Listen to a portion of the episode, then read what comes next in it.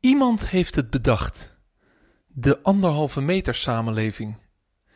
Omdat de dikke druppels met virus niet verder komen dan een meter, moeten we anderhalve meter afstand houden. En zo ontstond de anderhalve meter samenleving. Elke week onderzoekt Maarten Bouwhuis hoe Nederland leeft en werkt in het nieuwe normaal. Dit is Voorbij de Anderhalve Meter. Die anderhalve meter is eigenlijk een communicatieframe.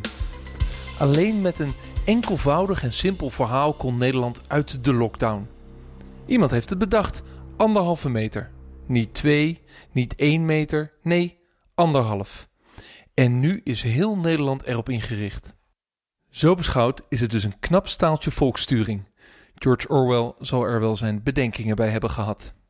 En dus ontstond ook deze podcast, voorbij de anderhalve meter, over het werken en leven in het nieuwe normaal. Dit is de laatste uitzending. De formele regels zijn nog altijd streng in Nederland, maar het echte gedrag van mensen verandert. En wees eerlijk. Houd jij altijd anderhalve meter afstand? Na de lockdown ging Nederland weer open, in de anderhalve meter samenleving.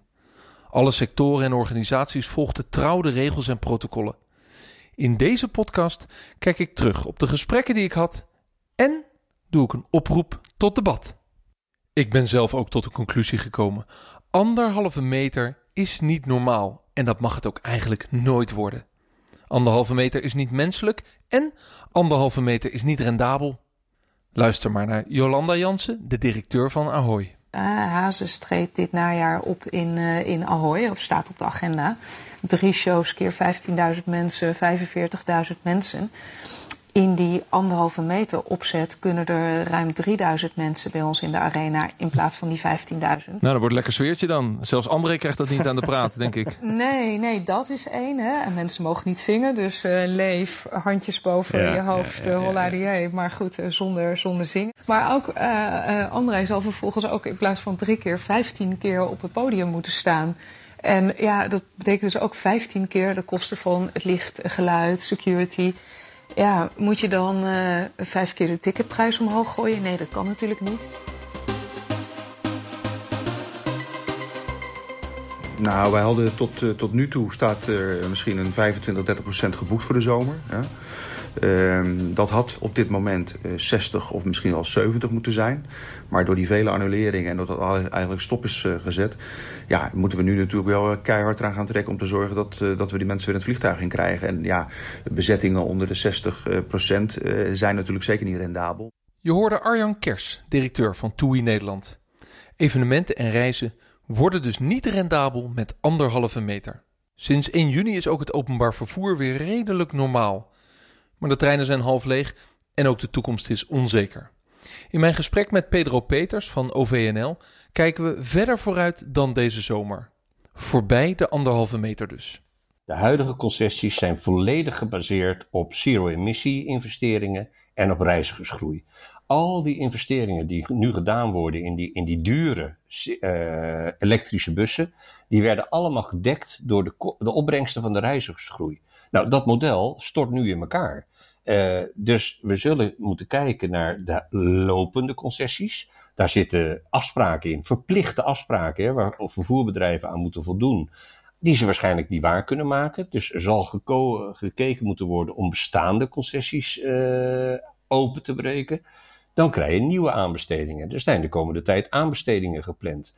Ja, hoe ga je nu in godsnaam een aanbesteding doen als uh, je niet weet hoe het met de reizigersaantallen gaat? Uh, het is onzekerheid troef in de economische ontwikkelingen. Dus zou je die aanbestedingen uh, niet even of misschien wel langere tijd moeten uitstellen? En een derde vraag is, ja, en die nieuwe werkelijkheid, wat gaat dat betekenen? Misschien krijg je wel heel andere soort inschrijvingen. Moet je van, van 70% van het aantal reizigers uitgaan en niet meer van 100% plus nog eens een groei? Die anderhalve meter is nu een gegeven. En als er in oktober een tweede golf coronabesmettingen komt, vrees ik dat we er nog wel langer aan vastzitten. Ik verzet me tegen het idee van het nieuwe normaal. Net als Jitske Kramer. In aflevering 8 van de podcast vergelijkt zij de coronacrisis met een cultuurschok, zoals antropologen die onderzoeken. En ze stelt de vraag: Hoe gaan we verder? Kan de samenleving fundamenteel veranderen of gaan we terug naar hoe het was? De andere kant die je nu kan leven is dat je zegt, nou ja, dat oude normaal was eigenlijk niet zo normaal. Dus er zijn best een aantal dingen in de oude wereld die wij in februari, maart achter ons hebben gelaten, die niet normaal waren. Uh, uh, lerarentekorten, uh, arme en rijke verschillen, CO2, boze boeren. We kunnen het allemaal nog herinneren, zorgstelsel wat niet klopt.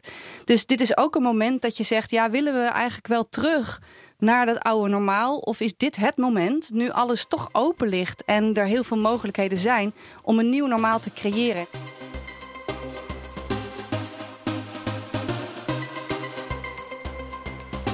Nou, waar we het in Brabant wel met elkaar over eens zijn, is dat je, de samenwerking heeft ons zoveel voordelen gebracht in het opvangen van die enorme vloedgolf dat, je daar, um, dat daar wel veel handen voor op elkaar te krijgen zijn om dat gewoon met elkaar te blijven doen. En uh, dat wij daar de samenwerking prefereren boven uh, de marktwerking. Of je dat dan voor het palet van ziekenhuiszorg zou moeten doen, is, uh, ja, daar moeten we met elkaar nog eens goed over nadenken.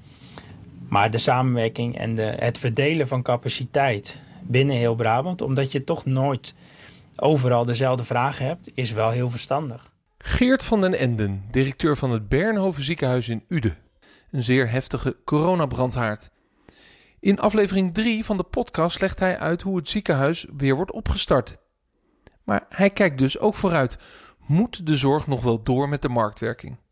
Of is de crisis hier misschien de echte gamechanger? Tot slot nog een keer terug naar Jitske Kramer, de antropoloog. Wij zijn als mensen verhalende wezens, dus wij moeten een verhaal hebben wat we kunnen leven. En we zagen toen corona startte dat het verhaal nog niet op orde was. En we gingen hem pas begrijpen toen Flatten the Curve kwam. Dus dat was ons marketingverhaal. En Flatten the Curve, dat gedrag was, was zoeken. En toen kwam het gedrag anderhalve meter. Dat zou je kunnen zeggen, dat was de oplossing voor die eerste cultuurshock. Toen kwam er wat rust, want dan weten we waar we aan toe zijn. En dan is er een verhaal wat ik denk in die tijd ook belangrijk was. Ik weet het niet, ik, ik ben geen viroloog. En het enige wat mij nu opvalt is dat er ook heel veel andere geluiden zijn... die andere invalshoeken brengen op of die anderhalve meter eigenlijk wel nodig is. En, um, en wat mij wat zorgen baart is dat we geen collectief verhaal hebben, dus geen collectief dialoog en gesprek, uh, welk verhaal we nu moeten volgen. Welk verhaal moeten we volgen? Het begint dus met flatten the curve. Daarna volgen we het frame van de anderhalve meter. Maar hoe nu verder? Rutte en de Kamer zijn met reces en hebben de samenleving achtergelaten met de anderhalve meter. De weerstand wordt ondertussen groter en mensen worden lakser in hun gedrag. En dan zijn er de grote keuzes. Hoe moet het verder met globalisering en het vele vliegen dat daarbij hoort? Hoe moet het onderwijs zich vernieuwen en voorbereiden op meer thuisonderwijs? Hoe moet het OV rendabel worden na corona? En wat moet er dan dus met die marktwerking in de zorg gebeuren? Veel vragen en eigenlijk geen collectieve richting op dit moment. Dat is op zichzelf niet erg, maar wat mij zorgen baart is het grote gebrek aan debat over de richting. Zelfs de demonstraties tegen de coronamaatregelen zijn verboden. De collectieve overheidsregels in de anderhalve meter samenleving treden onze grondrechten tot achter de voordeur, maar demonstreren kon even niet. Ik eindig mijn podcast voorbij de anderhalve meter. Anderhalve meter waar ik steeds minder achter sta. Het hoort niet bij de samenleving. We moeten alles in het werk stellen om hier snel, maar veilig uit te komen. En dat vraagt, als je het mij vraagt, een open en vrij debat. Wat is de richting van de samenleving na corona? Podia, zalen, media, politiek. Open je deuren en start het debat weer op. Alleen dan komen we succesvol en democratisch voorbij de anderhalve meter. Mijn naam is Maarten Bouwhuis. Bedankt voor het luisteren. Фактах.